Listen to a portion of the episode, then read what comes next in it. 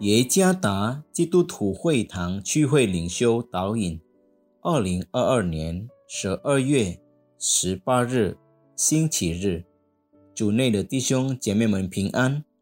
今天的领袖导引，我们要借着圣经启示录五章一到十四节来思想今天的主题：为基督唱新歌。作者何成礼传道。启示录五章一到十四节，我看见做宝座的右手中有书卷，里外都写着字，用漆印封严了。我又看见一位大力的天使，大声宣传说：“有谁配展开那书卷，揭开那漆印呢？在天上、地上、地底下。”没有能展开、能观看那书卷的，因为没有配展开、配观看那书卷的，我就大哭。长老中有一位对我说：“不要哭，看呐，有大支派中的狮子，大卫的根，他已得胜，能以展开那书卷，揭开那七印。”我又看见。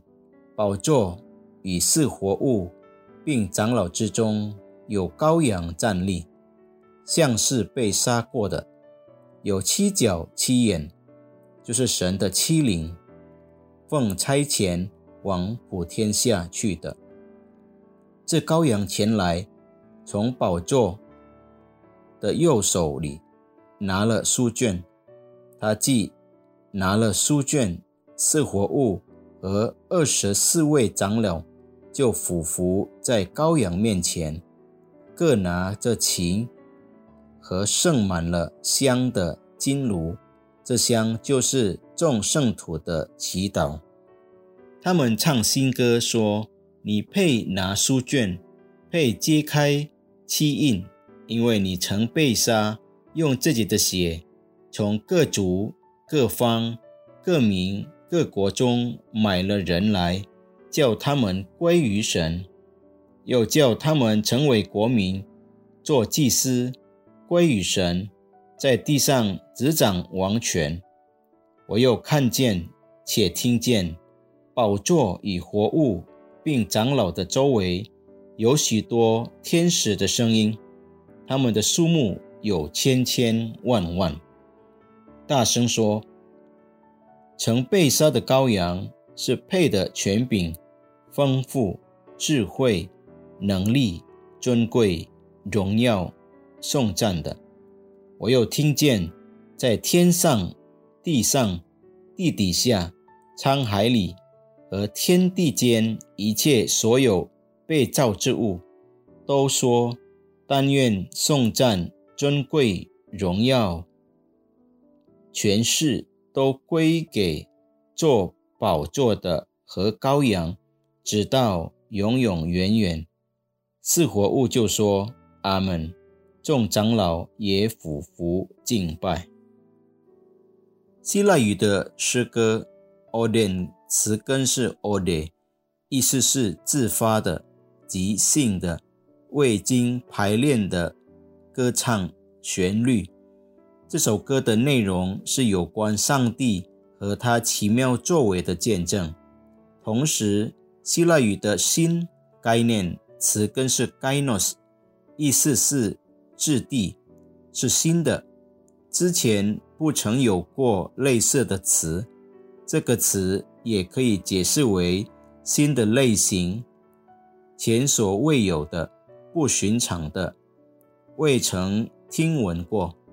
因此，这段经文中新歌的含义是，只借着耶稣基督神的羔羊得蒙上帝救赎而发自内心的诗歌。圣徒为基督唱的新歌，内容是上帝赐予的丰富恩典，即借着基督对上帝的顺服，甚至死在十字架上的见证，基督流出的宝血。为的是救赎和恢复上帝选民的身份，从得救圣徒的心中诞生了一首赞美基督耶稣的新歌。蒙基督宝血救赎的圣徒，成为神国的子民，要与君王基督一起以神权统治的原则，在地上执掌王权。他们也成为上帝的一群祭司，就是与大祭司基督一起，以祭司的圣职侍奉上帝和他人。唯有上帝的恩典，基督耶稣十字架上完成的大功，圣徒才能享受得着救赎和身份的恢复，直到永远。以后，当我们在新天新地时，我们也会为基督唱一首新歌，诗歌内容含有尊崇、荣耀他奇妙作为的颂词。我们的罪债已经借着耶稣十字架上的死还清了，我们免离了上帝的震怒，且蒙上帝赐予丰富的救赎之恩，甚至恢复了我们的身份，让我们成为神国的国民。